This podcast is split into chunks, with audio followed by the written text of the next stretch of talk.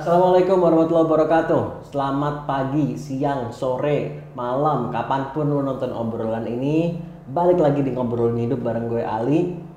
Belajar menjalani hidup dengan lebih baik dan kali ini eh, gue excited banget kita kedatangan tamu di mana gue yakin gue akan belajar banyak banget dari lo ada Mas Raka Gani Satria apa kabar Mas? Baik Mas Ali, baik Alhamdulillah. Thank you udah Thank you. menyempatkan waktu untuk datang ke Thank sini. you juga udah mengajak. Ah dengan senang hati gue yang thank you banget kan. Mas eh, Raka sebagai em, co-founder dari eh, menjadi manusia ya eh, sebagai content creator gitu kan. Em, yang gue juga gue udah tahu men- mengenai menjadi manusianya.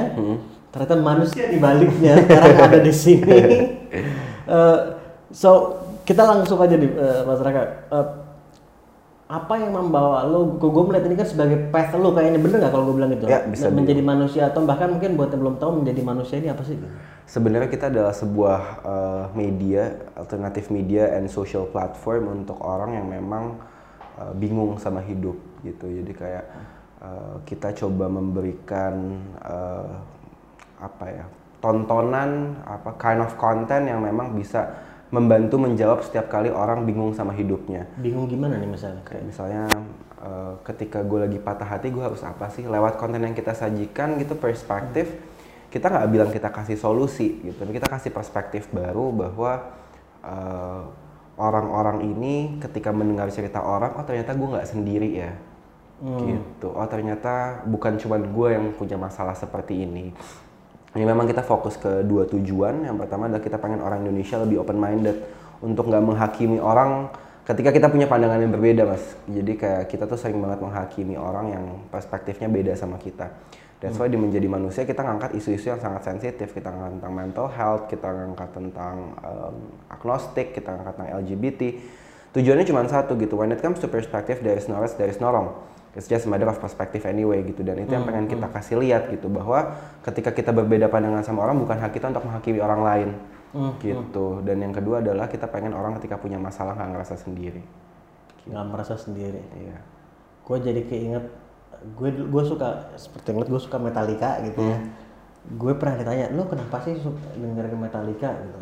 Kan bukannya lirik-liriknya tuh banyak ngomongin mengenai penderitaan, human misery. Gue mikir gitu apa bener juga. Gue tertantang sama pertanyaan itu, tapi terus gue terpikir mungkin kayak yang tadi eh, yang lo bilang tadi, ketika kita mendengar sesuatu atau melihat mungkin sesuatu yang kita bisa relate sehingga kita merasa kita nggak sendiri iya betul Eh, mungkin bukan kemudian masalahnya hilang tapi eh, ada ketenangan ya, iya ada sedikit lebih ringan Ya, mungkin betul. ya terasa sedikit lebih ringan gitu Eh, jadi oh ada orang yang merasa bisa mengerti kita gitu Em, so gue gue relate makanya gue kalau em, eh, ngelihat konten-kontennya juga eh, mungkin ada si A lebih relate sama konten yang ini si B lebih relate dari konten Hmm. dengan konten yang itu gitu kan so eh, dan eh, yang gue tahu lo dulunya ada bisnisnya studio foto atau iya kalau nggak salah, betul ya? betul Terus eh, sampai path-nya ke situ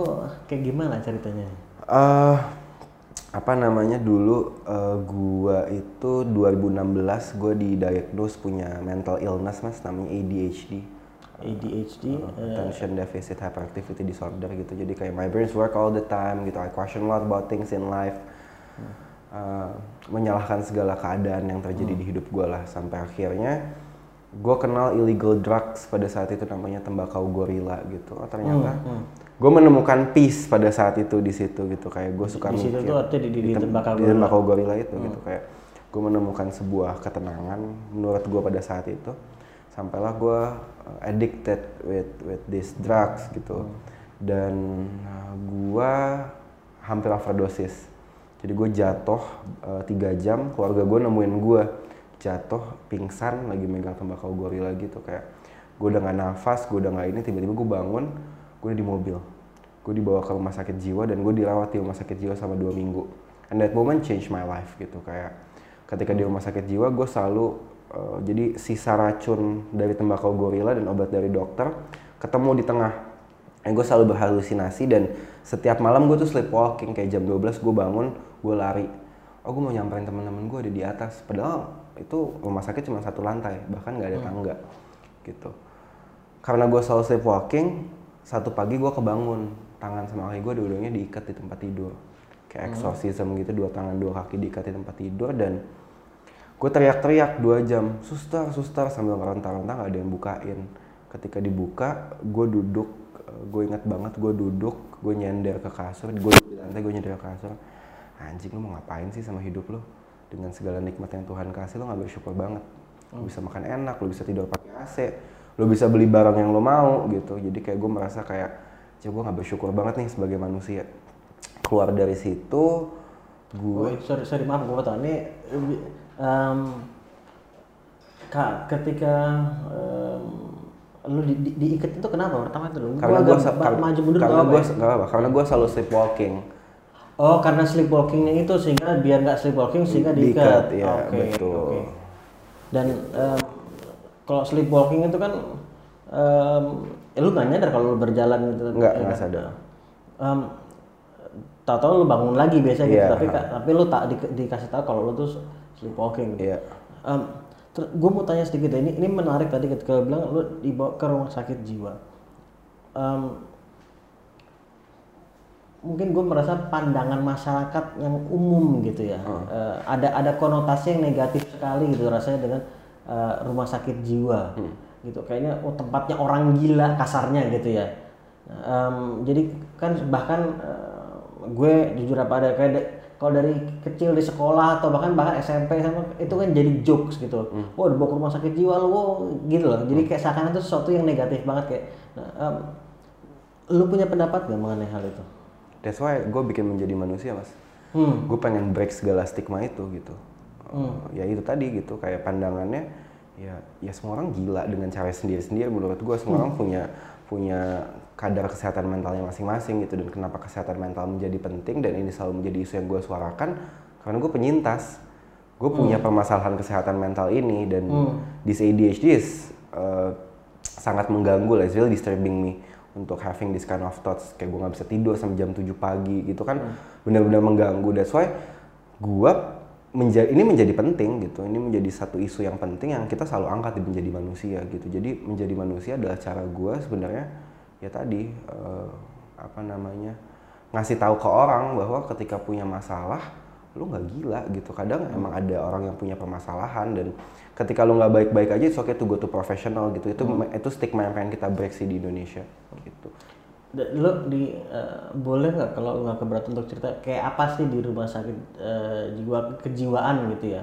Em, bi- biar mungkin masyarakat tahu karena kayaknya gambar pandangannya itu ya oh orang-orang gila dan seterusnya gitu. Tapi seperti apa gitu di rumah sakit jiwa itu? eh s- gimana ya luckily gue di VIP jadi kayak gue memang gue memang eh, jadi ada satu ruang ada satu tempat khusus cuman ada lima kamar.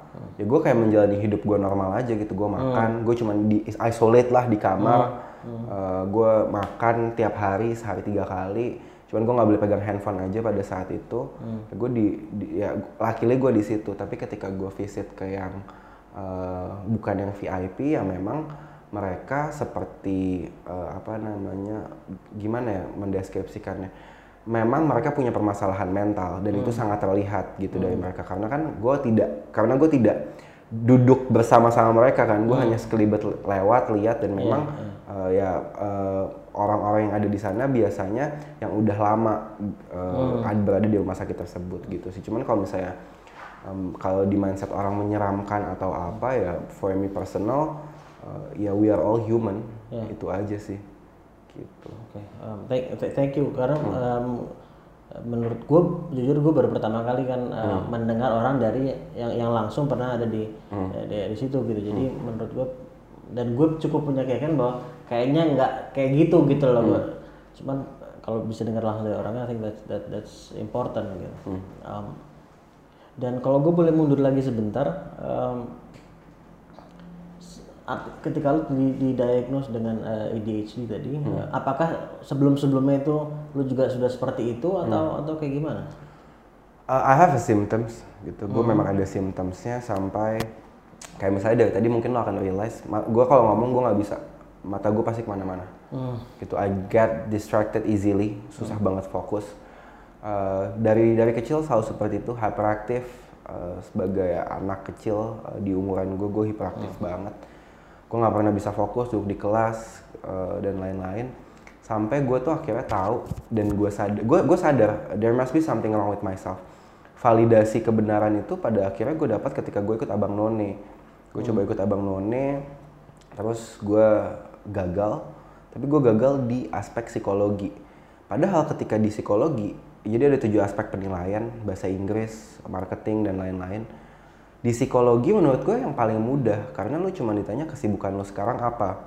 Tapi gue gagal di psikologi dan that's the moment I question myself. Kenapa seseorang ketika ditanya kesibukannya apa bisa gagal? Kayak hmm. gue bilang lah ke, ke keluarga gue kayak gue mau coba periksa deh kayaknya ada yang gak beres nih sama diri gue. Hmm. akhirnya ya didiagnose ADHD di tahun 2016 itu dan kalau ke kesibukan lo uh, sebelum lo sebelumnya apa kesibukan lo sebelum tadi kan tadi lo running your own business atau lo bekerja? Uh, eh, gue kuliah dan hmm. kuliah gue berantakan. Terus uh, eh, gue coba kerja sana sini sih. Gue coba uh, gue coba apa namanya mencari knowledge lah dengan kerja gue magang terus gue uh, apa namanya coba coba kerja part time coba kerja full time hmm. sampai akhirnya gue decide waktu itu bikin foto studio. Oh jadi itu lo uh, start your own business gitu ya? Si foto studio lo dan setelah lo um, setelah dua minggu tadi di, di, di rumah sakit tadi baru lo akhirnya uh, pulang dan apakah itu ada uh, dinyatakan sudah boleh pulang atau apa sudah boleh pulang dinyatakan udah boleh pulang. Uh, eh, gue juga nggak tahu sampai detik ini nih tolak ukurnya apa untuk gue diperbolehkan hmm. pulang gitu ya. Cuman ya gue pulang dan gue melanjutkan bisnis gue lah pada saat itu si foto studio ini. Hmm. cuman uh, eh, gue selalu berbisnis for the sake of money. Sebelum foto studio gue udah pernah coba beberapa bisnis juga sebelumnya. Gue selalu berbisnis tujuan gue duit gitu kayak gimana caranya gue bisa uh, dapat keuntungan sebesar besarnya profit sebesar besarnya uh, foto studio uh, pada saat itu uh, belum banyak. Belum banyak foto studio. Gue bikin juga itu di tahun 2016 juga. Hmm. di di tahun 2017 lah gue start. Belum banyak foto studio. Uh, numbers oke. Okay. terus gue do the valuation eh sorry. Gue I do the financial projection. Hmm. menghitung valuasi dan lain-lain. Kayak ini company-nya bisa grow gede banget okay, ketika gue mau fokus di sini duitnya gede nih. Uh. gitu ketika gue put 100% duitnya gede. Tapi di situ gue akhirnya nanya kok ada fulfillment yang nggak gue dapet? Gitu. Kok gue nggak happy ngejalaninnya? Kok hmm. gue nggak bahagia ya? Gitu that question pop up. Sebelumnya kalau se waktu sebelum ini kan setelah lo balik tadi dari, dari rumah hmm. sakit.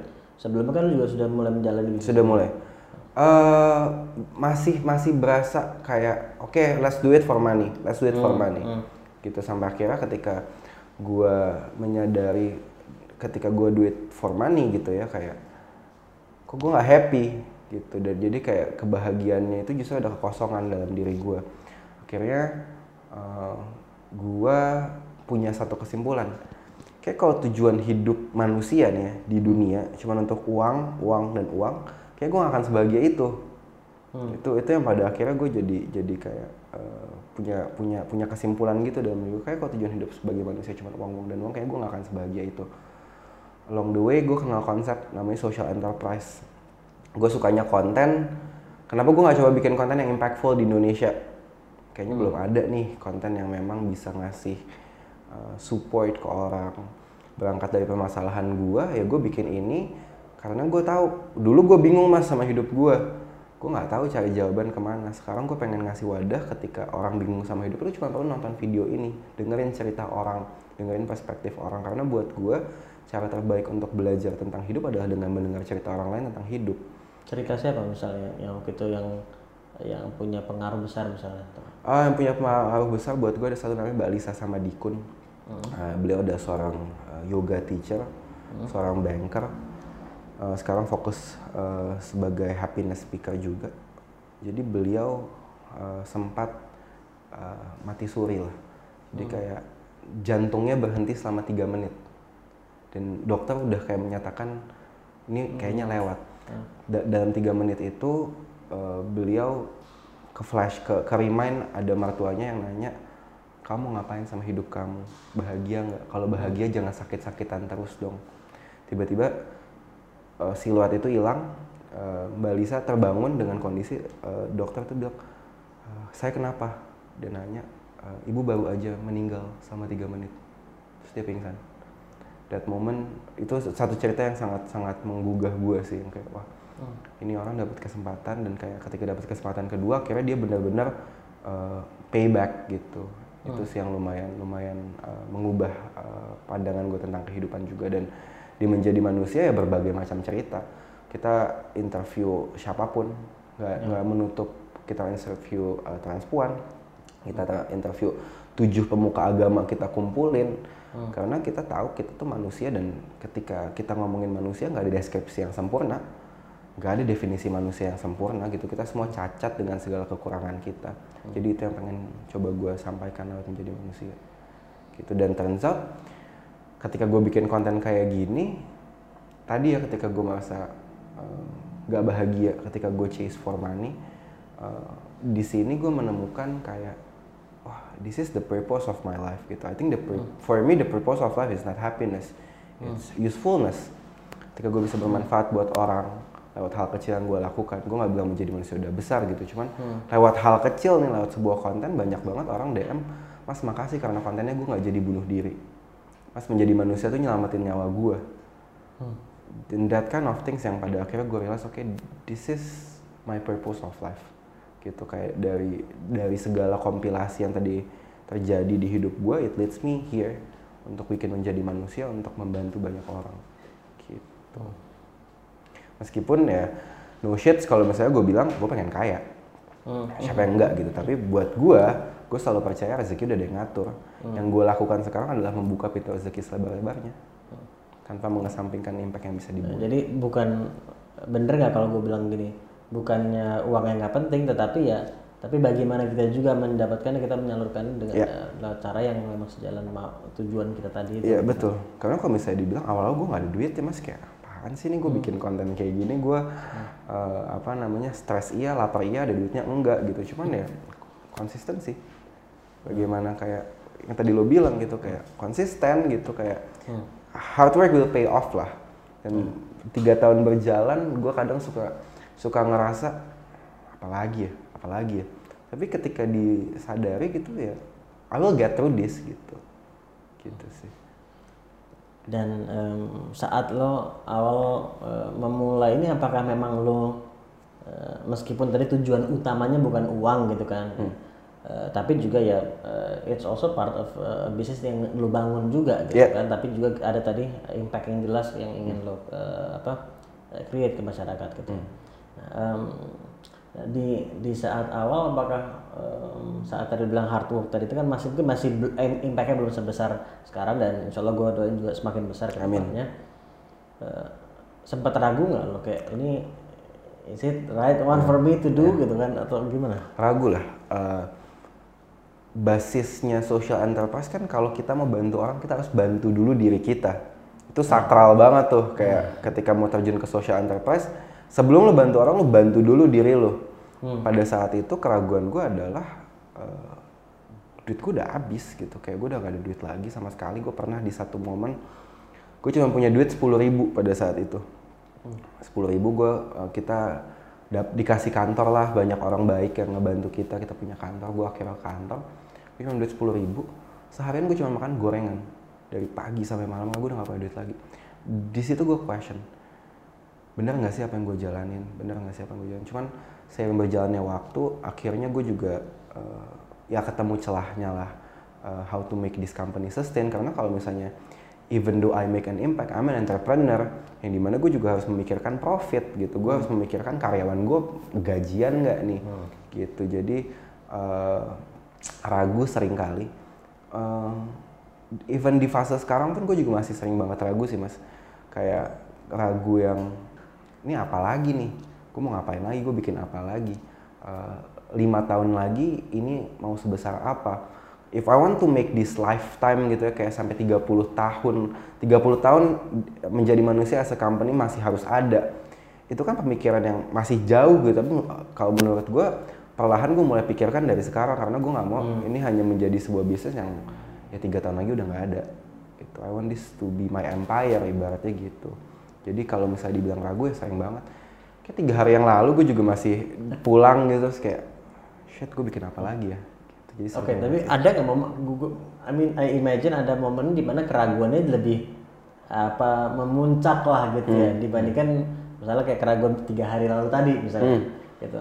Dan ketika itu, if you don't mind to share tadi momennya yang ma- yang mana dan terus gimana lo akhirnya tetap em, memutuskan untuk lanjut? Gitu. Ah, awal jadi kita itu memang secara business model kita kita dapat revenue stream we collaborate with brands kita collaborate sama brands uh, untuk menyampaikan mission dan juga uh, suara lah brand lagi punya kampanye apa kita coba suarakan dengan segi yang humanis Uh, di awal tahun pertama nggak ada sama sekali. Kayak memang dari awal ngeplot itu cuman kayak nggak ada masuk. Sampai akhirnya bulan Maret 2019 brand pertama masuk jumlahnya begitu besar. Akhirnya decide oke kita pindah kantor kita gaji karyawan. Dengan asumsi eh, bulan-bulan setelahnya kan ada brand lain yang masuk dong. Ah, nggak ada tuh mas. Sampai tuh duit habis gue udah harus gaji karyawan duit company nol gue sama dua partner gue kayak nggak mungkin kan kita nggak gajian eh, ke anak-anak. Nggak mungkin kita nggak ngasih gaji ke anak-anak gitu. Kayak kita bertiga udah tiga bulan gak gajian pada saat itu. Eh, nggak mungkin nih anak-anak nggak gajian. Akhirnya ya tadi kayak di, di momen itu yang gue kayak shit man duitnya nol nih gitu. Dan akhirnya pinjam sana pinjam ke sana coba pinjam ke sana pinjam ke sini pinjam uang akhirnya ya udah. Eh, enam bulan sempat kita tuh hidup kitanya nggak gajian sebagai co-founder tapi untuk gaji karyawan tuh kita ngutang.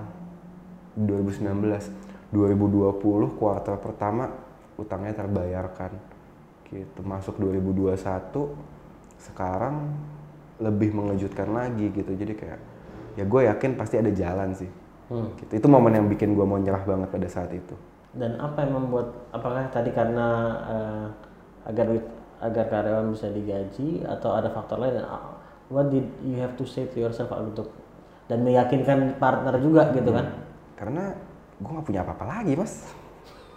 This is my only gitu. This is my one and only gitu kayak gue cuma punya ini. Kalau gue nyerah gue nggak ngelanjutin gue nggak punya apa-apa lagi. Pilihannya eh, maju atau maju nggak ada mundur. Udah di udah bentok di tembok belakang. gitu. ya udah udah nggak mungkin nggak mungkin mundur. Gue sempat apa kan biasanya it's either you go big or you go home. It's either go big or go really really big. Cuman itu aja yang itu yang jadi mindset gue pada saat itu. Either you go big or you have to go really really big. Nggak ada nggak ada go home pak. Di sini nggak ada go home sekarang. And then di situ kayak gue apa namanya realize bahwa no one's gonna clean your shit. Hmm. you have to clean your own shit gitu. Jadi kayak di situ akhirnya gue sadar ini gue udah memilih ini gue harus tanggung jawab sama ini. Ya itulah yang membuat gue tetap melanjutkan sih. Eh, dari beberapa entrepreneur gitu ya, eh, gue menemukan lumayan banyak di mana mereka pernah ada dalam kondisi yang kepepet gitu ya, Em, dan em, itu membuat mereka juga semakin tadi bounce back dan dari situ justru semakin apa eh, naik gitu. menurut lo gitu um, bagaimana lu ada ada pendapat nggak? Bagaimana agar orang yang mungkin belum sampai kepepet gitu ya tapi juga bisa uh, menghadirkan sense of urgency kayak gitu menurut lu bisa nggak sense of urgency gitu. Uh, sense of urgency kayak tadi itu kan lu kayak udah udah urgent banget situasinya gitu udah kepepet gitu kan. Jadi ya apa pun yang bisa oh gua gua gua gua maksimalin gitu kan. Em, tapi terkadang em, orang sampai kepepet dulu baru akhirnya mau semaksimal maksimalnya gitu. Iya. Nah, menurut lo gue mau tahu pendapat lo dulu mungkin pertama ya ada. Mungkin nggak kita menghasil apa mengeluarkan semaksimal maksimalnya itu meskipun tidak sedang kepepet Mungkin banget sih. hmm. Mungkin banget. eh cuman tadi ya gue selalu setuju gitu, bukan hanya kepepet ya, tapi ketika kesandung, eh kesandung, kejeblos gitu. Eh, bagaimana kalau gue gue selalu analogi gue adalah ketika gue jatuh terpuruk itu tuh specialties gitu ketika untuk untuk kayak gue masuk ke dalam lubang paling hancur buat gue itu momen gue akan naik lebih kencang lagi. Apa yang membuat lo eh, berkeyakinan seperti itu? Satu minggu sebelum gue lamaran bokap gue meninggal dunia. Hmm. gue hancur banget. Hancur banget. Anjir. Satu minggu jadi eh, 2020 Agustus tanggal 22 Agustus gue lamaran. Gue ngelamar calon istri gue ke Semarang berangkat rame-rame. 15 Agustus bokap gue meninggal. Kena serangan jantung. Gue hancur banget mas. Anjir. Tapi di situ gue yakin gue gue punya pemahaman eh, apa namanya amor fati. Gue gue coba kayak mencintai takdir gue ini takdir hidup gue Allah nggak akan ngasih ini ke gue kalau gue nggak sanggup. Dan di mindset gue cuma satu.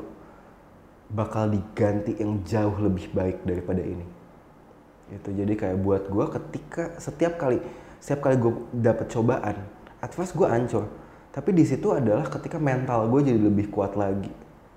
Resilience gue bikin gue kayak enggak gue belum selesai nih. Gue belum selesai gue belum selesai. Gue ngerasa habis bokap meninggal gue kayak gue habis nih. Wah habis nih gue ternyata gue belum selesai gitu. Yang selesai bokap gue gue di dunia hidup gue masih lanjut.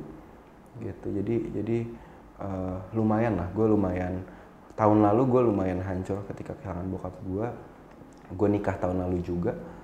Tapi ya gue percaya ketika gue jatuh itu tuh gue nggak mendelep. Gue nggak tersungkur gitu. Tapi ketika gue jatuh gue bounce ke atas. Semakin gue jatuh ke semakin dalam gue jatuh semakin tinggi gue akan terbang lagi itu itu yang itu yang jadi gue jadiin patokan sih mas ketika ketika ketika every shit happen gitu jadi eh, ya belief lah jatuhnya Belief. kayak kayak kayak Belief. keyakinannya ya- ya- yang lo pilih untuk gunakan ya believe gue percaya uh, yang yang bikin gue bangkit ada satu ayat di Al-Quran mas Hmm. Yang sangat mengubah hidup gue gitu. Alin Syirah ayat 56 fa inna ma'al usri usra inna ma'al usri usra di setiap kesulitan ada kemudahan. Di setiap kesulitan ada kemudahan. Yang gue percaya aja menjamin dua kali mas. Ya sampai diulang. Diulang dua kali. Dan ayat itu yang memberikan gue harapan. Setiap kali kalau misalnya gue uh, lagi ngerasa gak baik aja gitu kayak ada problem kemarin bokap gue meninggal uh, everything that happen tapi gue selalu percaya di setiap kesulitan ada kemudahan di setiap kesulitan ada kemudahan dan itu yang menjadikan uh, gue nggak pernah sekarang kayak oh ya udah gue bisa gue bisa dan gue pasti bisa gitu sih Kalau tadi em, bicara tadi keraguan itu kan dari dalam diri ya. Hmm. Em, apakah lu juga melalui fase-fase atau bahkan mungkin sedang Sambil minum. Iya. iya. Em, ada nggak justru eh, komentar-komentar negatif itu datangnya bukan dari dalam diri. Kalau keraguan kan dari dalam diri kita mempertanyakan. Hmm. Tapi dari luar ada nggak komentar-komentar negatif juga selama perjalanan membangun menjadi manusia? Eh, gue nggak tahu ya Eh, yang yang yang lu terima, eh, yang lu pernah dengar atau mungkin justru uniknya sebelum menjadi manusia Hmm, hmm. sebelum menjadi manusia itu dari eh, pandangan orang lah gue jangki mas gue pemakai Ah, ah. gue pemakai kuliah gue fuck up. Banyak banget orang bilang dari even dari keluarga sendiri gitu ya lo nggak bakal jadi apa-apa. Lo nggak bakal jadi apa-apa. Udah itu itu kayak kata-kata itu terus menerus menghantui gue lah. Banyak juga dari teman-teman ya paling paling kalau Raka mau ujung-ujungnya ngapain sih? Gitu. Nggak bakal jadi apa-apa. Itu that, that Raka nggak bakal jadi apa-apa terus menerus menghantui gue apalagi gue punya kakak yang memang eh, sangat berprestasi gitu. Kakak gue itu mahasiswa berprestasi Universitas Indonesia tahun 2015 adiknya kakak gue jadi kayak gue dan kakak gue tuh sering banget dibandingin lah pada saat itu. Uh, kakak gue hobinya ikut lomba ke Harvard ke Stanford ke Paris jalan-jalan keliling dunia. Dari segala dia ikut lomba akhirnya dia punya uang dari uang itu dia pergi umroh. Di umur 21 tahun pakai duitnya sendiri. Gua masuk ke rumah sakit jiwa di umur 21 tahun karena narkoba gitu. Jadi comparison dari keluarga antara gua dan kakak gua tuh begitu kuatnya. Ya Raka mah gak akan kayak Rangga. Nah, gua Rangga Raka mah gak akan kayak Rangga. Sampai akhirnya gue coba buktiin lah. Gue coba buktiin dan buat gue kata-kata orang oh gini uh, validasi Tuhan lebih absolut daripada kata-kata manusia mau lo ngomong apa pun tentang gue enggak. Gue nggak gue nggak akan terpengaruh dengan apa yang lo bilang.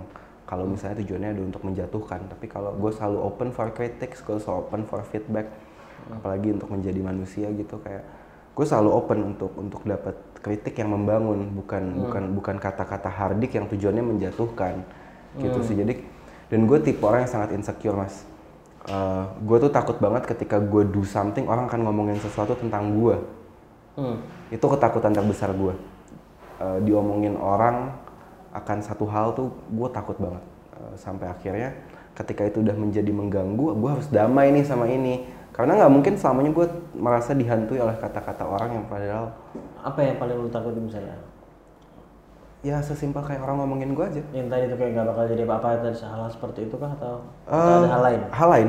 Everything's every every everything lah. Se- se- segala hal lah kayak eh kayak Raka gini deh kayak dia gini deh kayak dia gitu deh. Padahal kan itu hanya asumsi di pikiran gue aja. Jadi sekarang yang gue coba lakukan adalah mengubah itu gitu kayak ketika gue udah mulai questioning dia ngomongin kayak dia ngomongin gue deh. Kayak dia nggak suka deh sama gue gue rephrase ke diri gue kata siapa kadang cuma Kata siapa? iya kadang cuma kata pikiran gue aja gitu Dan eh, oh jadi cara lu dengan, mengatakan kepada diri sendiri kata siapa? Iya, kata siapa? Dan itu membantu lu untuk eh, apa melihat lebih objektif kah atau? Lebih sane sih, Hmm. lebih nggak overthinking aja. Karena kan uh, even uh, ada di kepala, itu kan hanya ada di kepala kita. Dan itu kan hanya asumsi-asumsi liar yang kita bangun sendiri, yang bisa kita dan ketika pada akhirnya iya mereka ngomongin kita, ki- kita kan nggak bisa ngontrol pikiran orang untuk nggak ngomongin kita, tapi yang bisa kita kontrol adalah diri kita sendiri. Gitu. Gue mau tanya deh sekarang. Em, kita kan sebagai manusia gitu ya, em, kita eh, ingin gitu atau gue mungkin ngomong kita kayak terlalu mengeneralisir, at least gue deh gitu. Ya kalau misalnya ada yang sesu- sependapat sila ya silakan gitu ya. Cuma at least gue misalnya. Gue ingin eh, terus eh, membangun karakter-karakter positif dalam diri gue.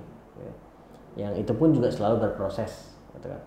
Selalu berproses. Nah, em, dari orang ke orang mungkin membangun karakter A lebih sulit dibanding karakter B di, di orang lain mungkin B lebih sulit daripada A dan seterusnya Em, dari perjalanan lu em, apa eh, kalau boleh kalau nggak keberatan terus karakter yang menurut lu lu terasa sekali lu bahwa eh, apa pertumbuhannya itu signifikan gitu? Resiliensi sih. kegigihan resilience? Uh, Eh, ke- is it ke- kegigihan atau apa kalau gue ketangguhan gitu. ketangguhan. Eh, apa namanya? Nyokap gue meninggal umur gue 6 tahun hmm. wah dunia gue hancur. Hancur banget gue Eh, gue lari ke drugs hidup gue lumayan berantakan karena gue I blame God pada saat itu. Kenapa gue kenapa kenapa gue yang kenapa gue yang harus kehilangan orang yang paling gue sayang ketika gue masih kecil banget Hmm. gue masuk rumah sakit jiwa. And then everything went well everything went well. What do you mean everything went well? setelah keluar dari rumah sakit jiwa ah. everything went well. Kayak hidup baik-baik aja. And then kakek gue meninggal. Lumayan hancur. Tapi gue lagi-lagi memupuk gitu kan untuk kayak ya gue harus bangkit nih. Kayak gue uh, yang bikin gue semangat pada saat itu mempersiapkan pernikahan lagi-lagi everything udah mulai baik-baik aja dah bokap gue meninggal hmm. habis itu akhirnya gue sadar uh, gue se dari segala ke, ke trauma terbesar gue tuh kehilangan mas hmm. gue takut banget sama kehilangan hmm. karena dari kecil gue udah kehilangan nyokap gue dari trauma itu pada akhirnya gue sadar ketika bokap gue meninggal I have to face my biggest trauma again dan di situ akhirnya gue sadar oh gue udah gue nggak marah. Kali ini gue nggak marah sama Tuhan. Hmm. kali ini gue nggak marah sama Tuhan ketika bokap gue meninggal. Kali ini justru gue mencintai segala takdir yang Tuhan berikan gitu. Jadi kayak the process of grieving yang pada akhirnya membuat gue menjadi tangguh. Itu sih. Hmm. jadi kayak yang paling berkembang menurut gue itu sih. Kayak kayak bagaimana uh, no one can stop me. Itu hmm. itu itu yang jadi jadi menurut gue karakter dalam diri gue yang menjadikan gue yang sekarang sih dan kita apakah uh, benar nggak kalau gue bilang ketangguhan tadi itu terbentuk sangat apa terbentuknya sangat signifikan dari si tantangan-tantangan tadi yep, itu betul sekarang hmm. kalau misalnya ditanya uh, ketakutan terbesar gitu masih kehilangan tapi hmm gue tidak lagi melihat kehilangan sebagai musuh hmm. Ke kehilangan ya teman lama aja mungkin nanti akan datang nyapa. Gitu. Dulu gue melihatnya sebagai musuh gitu. Karena kalau misalnya setelah gue pikir-pikir ini akhirnya gue punya pemikiran gila ini mas. Gue takut banget kehilangan kan. Semakin banyak orang yang gue kenal semakin banyak gue akan mengalami kehilangan. Gue sampai mikirnya gini oh dari keluarga bokap ada tujuh om tante. Berarti kalau mereka meninggal gue akan menghadapi 14 kehilangan. Hmm. gue dari dari apa namanya dari teman-teman gue gue punya sekian banyak teman. Ketika mereka meninggal dan akhirnya di situ gue kayak realize dalam hidup kita akan menemui banyak sekali kehilangan gue beruntung. Udah kehilangan duluan. Gitu sih mas. Hmm. apa yang membuat kehilangan duluan beruntung? Maksudnya gimana? Uh, eh, gue beruntung kehilangan orang tua gue hmm. lebih dulu dibandingkan mungkin uh, orang yang masih ada gitu karena kalau misalnya gue hanya menganggap ini sebagai sebuah musibah, gue akan terus menerus menyalahkan keadaan. Hmm. Gitu dan pada akhirnya gue realize, oh ini Allah sayang sama gue. Allah ngasih gue ujian untuk gue belajar. Gitu sih. Karena it's not for me the hardest thing to deal with in life is grief. It's really hard to cope. Rasa duka. Iya, itu susah banget ngalahinnya. Buat gue itu sih mas um, kalau uh, gue berpikir mau, mau tanya yang mana dulu sebetulnya. Uh, tadi ingin dulu deh ya. um, tadi lu bilang salah satu uh, hal yang jadi pegangan lo tadi surat al insyirah ya nama lu serius nama lu serius nah uh, bahwa di balik setiap sultan pasti ada kemudahan, kemudahan boleh nggak lu cerita apa momen di mana lu mungkin sudah tahu uh, sebelumnya tapi ada momen di mana tuh menjadi uh, apa terasa lebih terasa gitu ya hmm. if you don't mind to share uh, ada di momen justru ketika uh, di yang gue meninggal di bokap hmm. tuh lebih ke meyakinkan aja kalau di bokap tuh lebih ke mindset hmm. lebih ke mindset kayak ah itu, itu gue bisa kok. Abisnya ada kemudahan gitu. Jadi kayak hmm. pegangan untuk kuat aja. Tapi yang berasa ketika eyang gue meninggal. Hmm. uh, eyang gue meninggal tanggal 15 April. Hmm. masih dalam kondisi berduka tiba-tiba menjadi manusia di konteks sama Badan Amil Zakat Nasional hmm. sama Basnas. Mau nggak bikin konser sama Raisa? Kapan? Besok. Crazy. Di situ uh, Raisa konser IG live uh, harus gua yang wawancara. Karena partner gua Adam yang akan ngurusin teknikalnya hmm. jadi gua interview Raisa mas. Hmm. uh, di Instagramnya menjadi manusia gitu. Live bareng dia nyanyi konser virtual. Mata gua masih bengep. Hmm. mata gua masih bengep gitu. Jadi kayak di situ perasaan paling campur aduk yang pernah gue rasakan seumur hidup gue. Gila gue baru kehilangan. Tiba-tiba gue dikasih seneng. Nah, gitu jadi kayak ini gue harus kerasa apa gue bingung kayak ada merasa bersalah untuk merasa senang. iya gitu. itu dia itu dia tapi di situ akhirnya gue yakin oh mungkin ini caranya gitu kayak caranya diganti gitu diganti kayak mungkin hanya hal simple gitu cuma lu live sama Raisa doang kok tapi diva Indonesia Hmm. dan itu yang bikin gue akhirnya oh kalau misalnya ada yang sulit pasti nanti ada yang mudah kalau pas bokap gue lebih ke menuju nikah sih menuju nikah tuh setelah bokap meninggal alhamdulillah ya ada justru diberikan banyak banget kemudahan Tapi ap- apa yang membuat lu merefer ke ayat itu? Apa kalau pas ke, pas eh, kebetulan lu membacanya kembali dan terus, terus lu jadi semakin kakak gue relate sih atau apa? kakak gue yang bilang Hmm. kakak gue eh, lum kakak gue sangat eh, apa ya kayak waktu itu bokap gue eh, apa bokap gue itu meninggal nggak lama selebaran during puasa tuh kakak gue lagi banyak baca surat-surat di Al-Quran. Terus dia bilang bang dia manggil gue abang Eh, kakak gue bilang kalau sedih lu inget aja. Dia katanya dengar dari Ustadz Adi Hidayat ini fa nama usul nama usul ketika gue lihat ceramahnya hati gue tergugah Hmm. itu yang akhirnya kayak oh gue akhirnya menjadikan itu pedoman setiap kali gue punya masalah gitu Terus menjadi manusia ke depannya apa? Uh, what's your uh, vision or atau visi lo harapan lo ke depannya? ah it's a hard thing to say sih gue uh, menjadi manusia tempat gue buat explore banyak hal sebenarnya mas Uh, tempat gue buat belajar juga gitu. Karena bisa gue bikin menjadi manusia lewat menjadi manusia gue juga belajar untuk jadi manusia. Untuk dengar cerita orang untuk lebih jadi orang yang uh, bisa ngerti orang lain. Gue belajar banyak hal dari membangun ini. Uh, ke depannya mungkin kita akan fokus bikin konten. Kita lagi developing. Sekarang uh, kita fokus ke intellectual property jadi bagaimana mengembangkan nama menjadi manusia sebagai sebuah uh, hak kekayaan intelektual saat ini kita sedang developing sebuah web series uh, menjadi manusia the series rencananya akan tayang bulan Agustus ditunggu aja Kita rekaman ini bulan apa nih? Bulan uh, April. 1 April ini kita rekaman. Tawarin kapan? Uh, so, Agustus ya. ya rencananya Agustus Oke. Gue juga pengen nonton.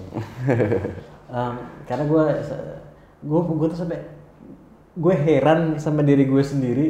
Kenapa kok selama ini gue bisa nggak kepikir siapa sih nih yang bikin ini gitu. karena gue biasanya kan oke ini menarik nih siapa nih yang di behind this gitu. Tapi for some reason gitu ya. Lah kenapa gue tidak bertanya mempertanyakan itu dan terus kemudian pas eh, pas tahu bahwa lo yang eh, punya eh, lo co-foundernya juga so I'm very happy eh, dan mau berterima kasih juga oke atas konten-konten itu thank juga you gitu. thank you. Gue kembali sedikit ya ke belakang. Tadi ada yang tadi gue bilang yang gue tanyain juga. Em, lu sempet eh, hampir OD tadi lu bilang dari tembakau gorila itu. Em, dan apakah lu sudah eh, dibilang apa addicted juga? Oke. Nah, eh, apa yang membuat lu akhirnya mem- em, apa sebe- seberapa sulit mungkin pertanyaan yang pertama seberapa sulit itu lahir lu untuk berhenti gitu karena kalau kita udah addicted to something kan pasti ada nggak gampang juga untuk ber- untuk berhenti total gitu Nah, dan eh, seberapa sulit dan apa yang membuat lu akhirnya what did you do to, really stop Ah, ini gue nggak pernah. Ini pertama kali gue cerita ini. Eh, orang tahu lah gitu. Kayak maksudnya gue the story of me using tembakau gorilla tuh udah banyak orang tahu. Tapi yang nggak gue ceritakan lagi adalah ketika gue keluar dari rumah sakit jiwa gue make lagi. Hmm. Gue make lagi. Tapi keluarga nggak ada yang tahu. Oke, gue diem-diem gue make lagi gitu. Cuman eh, sampailah satu momen eyang gue, gua- kakek gue, eyang tuh kakek ya. Gue tinggal sama kakek sama nenek gue, sama eyang sama oma gue. Dia nggak pernah marah sekalipun. Ketika gue pertama, kedua kalinya eh, ketika gue balik lagi make itu, dia marah. Gila loh, gila, gitu dong. Gak pernah sekalinya marah kali gue. Ketika dia bilang itu, gue berhenti. Gue harus berhenti panggilan dalam diri gue akhirnya kayak gue nggak bisa kayak gini terus I have to stop gue masih nyimpen banyak gue buang semua sampai detik ini gue nggak pernah nyentuh lagi jadi kakek gue yang yang orang yang diam selama ini tiba-tiba ngomong dan marah itu tuh make me realize lu gila sih gitu di situ akhirnya uh, gue stop uh, kayaknya kalau nggak salah Oktober 2017 terakhir Hmm. uh, gue nyentuh itu sampai detik ini gue nggak pernah lagi bicara soal em, eh, soal soal konten lo, ter- lo suka baca buku nggak gue lumayan Hah, lumayan. Ada nggak buku-buku yang lo mungkin berkesan atau lo rekomen ada? yang terpikir lah yang terpikir? Ada. Uh, buku yang lagi-lagi kalau gue selalu menarik tuh kalau sesu- sesuatu bisa mengubah sudut pandang pola berpikir. Uh, bukunya Paulo Coelho yang di Alchemist. Itu, oh Mas. itu wah itu banyak banyak apa namanya kata-kata kalimat-kalimat yang bikin gue semakin yakin. Dan ini cerita menariknya gitu. Tadi kan gue cerita mas uh, ibu gue meninggal umur gue enam tahun. Hmm. ya kan? Dari umur 4 tahun beliau tuh ngajarin ke gue satu mindset. Raka percayalah I become what I think about. I become what I think about. Kamu akan menjadi apa yang kamu pikirkan. Hmm. sampailah beliau kena cancer eh, hari terakhir dalam proses sakaratul maut beliau manggil gua Raka sini Eh, percayalah I become what I think about. Kamu akan menjadi apa yang kamu pikirkan. Itu kata-kata terakhir beliau ke gue saat lo umur 6 tahun. Saat gue umur 6 tahun. Itu kata-kata terakhir beliau.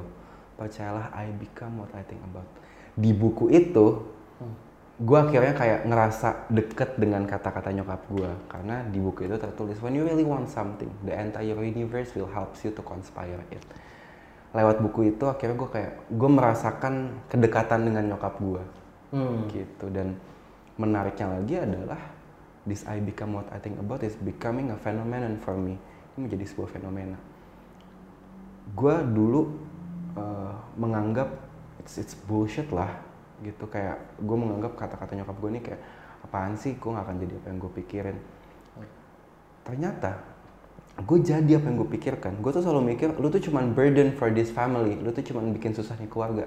Ternyata beneran gue masuk rumah sakit jiwa karena narkoba. Kuliah gue berantakan hidup gue berantakan. Awal menjadi manusia jalan gue keinget lagi kata-kata itu. Kalau apa yang almarhumah nyokap gue bilang itu benar kenapa nggak gue ganti jadi lebih positif? Akhirnya gue mulai mengubah itu jadi pikiran-pikiran positif.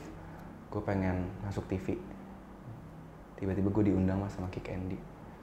Terus uh, gue pengen ya uh, you've been on TED juga kan. Kayak gue pengen gue pengen banget ngomong di konferensi itu dapat kesempatannya. Uh, gue pengen ngobrol langsung sama Najwa Shihab. Gue ngefans banget sama beliau cuman bergumam aja gitu berpikir setiap sebelum tidur membayangkan tiba-tiba menjadi manusia terpilih sebagai YouTube Creators for Change Ambassador. Bareng sama Skin Indonesian 24 kelarin his Najwa Shihab. Gue ke Solo satu pesawat satu mobil nginep di hotel yang sama. Itu gue pulang mas. Pertama kali gue ketemu beliau gue pulang gue nangis sholat syukur. Gila ini nggak make sense banget. Gue bisa ngobrol langsung sama beliau. Yang paling kecil adalah gue pernah menggumam ke uh, partner gue Adam gitu. Adam kayak gue pengen deh punya pacar putri Indonesia. Cuman ngomong gitu dong sekarang. Istri gue putri Indonesia perdamaian. Jadi kayak all of the things yang akhirnya gue menyadari oh I become what I think about ini bener ya ternyata. Itu sih. Dan ketika kita pengen sesuatu and we work really hard somehow the universe helps us to conspire it. Dan kalau dari yang tadi lo sampaikan eh, memang sejak kecil pun sudah selalu benar cuman lo nggak iya cuman gue gak menyadari itu dan mungkin dulu benernya efeknya lebih ke yang neg- Negatif. negatif dan terus lo setelah sadar lo memanfaatkannya gitu Iya, ya, betul. untuk yang positif gitu And it's crazy believing bahwa kata-kata itu nyokap gue ucapkan 20 tahun yang lalu and it's still relevant until this day for me. kalau film ada Hmm, nggak. film tertentu ada nggak yang yang nggak harus yang berhubungan dengan apa self just yang Ah. film that you like yes. eh gue suka banget Marvel, jadi Avengers eh, gokil banget menurut gue. Gue ku film Eh, enggak sih, enggak, enggak gimana ya? Kayak nonton tapi enggak yang sampai eh, I'm not a movie geek lah. Eh, gitu. Em, mungkin eh, dua pertanyaan terakhir. Ta- dari tadi nih kita bicara soal tantangan Hmm. em, dan mungkin eh, momen di mana realitas tidak sesuai dengan harapan, gitu ya. Em, dan juga kegagalan gitu. Em, kalau secara filosofis, lu melihat kegagalan seperti apa? Dulu gue takut banget gagal mas, takut banget gue. Kayak takut lah fear of failures. Hmm. Sekarang gue menganggap kegagalan sebagai guru aja, guru terbaik yang kehidupan berikan. Sekarang ketika gue dikasih gagal gitu ya, gue seneng karena Tuhan kasih kesempatan gue buat belajar dan bagaimana kegagalan ini tidak gue ulangi lagi gitu. Jadi kayak oh gue selalu gue pun selalu bilang ke tim "Ah, kalau misalnya bikin salah itu oke ketika kita salah kita punya kesempatan untuk belajar. Tapi yang jangan adalah mengulang kesalahan yang sama. Hmm. gitu. Itu yang selalu gue tanamkan ke mereka. Always give a room for improvement. Kalau misalnya kita perfect kita nggak belajar. Tapi kalau misalnya kita ada salah dikit salah dikit dari kesalahan itu kita belajar untuk jadi lebih baik. Jadi kegagalan buat gue adalah guru paling baik sih. Guru salah satu guru yang uh, membuat kita realize. Karena kan kalau kita gagal yang ketampar kan diri kita sendiri. Hmm. dan yang membangkitkan lagi mau nggak mau diri kita sendiri. Nggak ada orang segimanapun orang bilang bangkit dong bangkit dong. Kalau diri kita nggak bilang bangkit ya nggak akan bangkit. Hmm. jadi jadi buat gue ya it's one of the best teacher in life. Kok tapi kalau tadi bilang gue sekarang kalau dulu gue takut. Sekarang gue seneng. Seneng itu gimana? Kayak kan Eh, gagal kan bukan banyak. gagal yes nggak Nggak, gitu kan. Bukan gitu, itu gitu. gimana? lebih kayak eh, ketika ketika misalnya uh, rasanya gini deh gagal kan aspeknya banyak ya Hmm. misalnya views di YouTube nggak banyak yang nonton Ah, di situ di situ gue kayak eh gue gagal lagi tapi nggak apa-apa apa yang bisa gue lakukan ke depannya untuk menaikkan views tersebut Hmm. gitu jadi kayak gue mencari lah mencari uh, fok ketika gagal senang tuh dalam artian bukan ya gue gagal ya nggak gitu cuman kayak lebih ke let's find the solution Hmm. not focus on the Ya, ya. problem lebih ke situ sih Jadi bi- biar biar clear maksudnya Iya, iya. kayak gitu ya. Em, eh, dan eh, sekarang tapi artinya nggak takut gagal kan karena guru kan guru yang baik pun karena juga bisa menakutkan. Hmm. Kan? Artinya lo eh, sudah tidak semenakutkan dulu begitu saya tahu. ya takut mah ya ada lah pasti ada lah ketakutan itu pasti ada Eh, cuman eh, bagaimana biasanya eh, untuk mengelola itu gitu karena kalau dulu ketakutan gue menghambat gue untuk maju mas ketakutan gue gue bikin ini berhasil nggak ya gue bikin berhasil nggak ya. Ketakutan gue ujung-ujungnya bikin gue nggak bikin itu. Hmm. gitu. Jadi kalau sekarang lebih bisa menguasai lebih kayak dibandingkan gue takut gagal mending gue coba dulu. Ah, kalau gagal ya udah kita belajar. Gitu. Kalau dulu eh, ketakutan akan kegagalan tuh menghambat ya. Kalau sekarang udah mulai pelan-pelan eh, bisa untuk jadi ya udah deh gue coba dulu why not? Gitu kayak coba dulu kalau misalnya gagal ya udah. Karena orang tuh kadang jadi takut banget akan kegagalan itu sendiri kan. Jadinya fear of failures itu bikin kita nggak berani untuk melangkah and I've been there. Ah. karena setelah gue sadari sekarang jangan sampai ketakutan akan kegagalan itu jadi tembok untuk kita melangkah sih. Gitu. Menarik lo bilang jadi tembok artinya tadinya nggak ada tapi kita sendiri kita sendiri itu iya, tembok. kita ya. sendiri menjadikan itu tembok. Karena kan ya tadi ya gagal aspeknya banyak ya. Setiap nggak ada manusia yang nggak pernah gagal. Steve Jobs Mark Zuckerberg kemudian Bill Gates semuanya gagal di hidupnya. Tapi uh, dari kegagalan itu kan they learn something. Hmm. gitu nggak ada manusia yang nggak ada nggak ada kisah sukses tanpa struggle tuh nggak ada menurut gue Nah,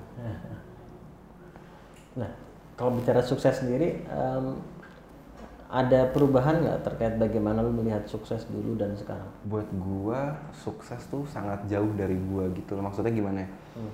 Gue tidak pernah gua tujuan gua apa pun gak pengen jadi sukses gitu. Kayak karena sukses bias aja. It's de- definisi sukses masing-masing orang beda. Ah. jadi kalau gua personal gue tidak pernah gue pengen sukses gitu. Karena sampai sekarang pun gue masih mencari definisi sukses buat gua apa sih?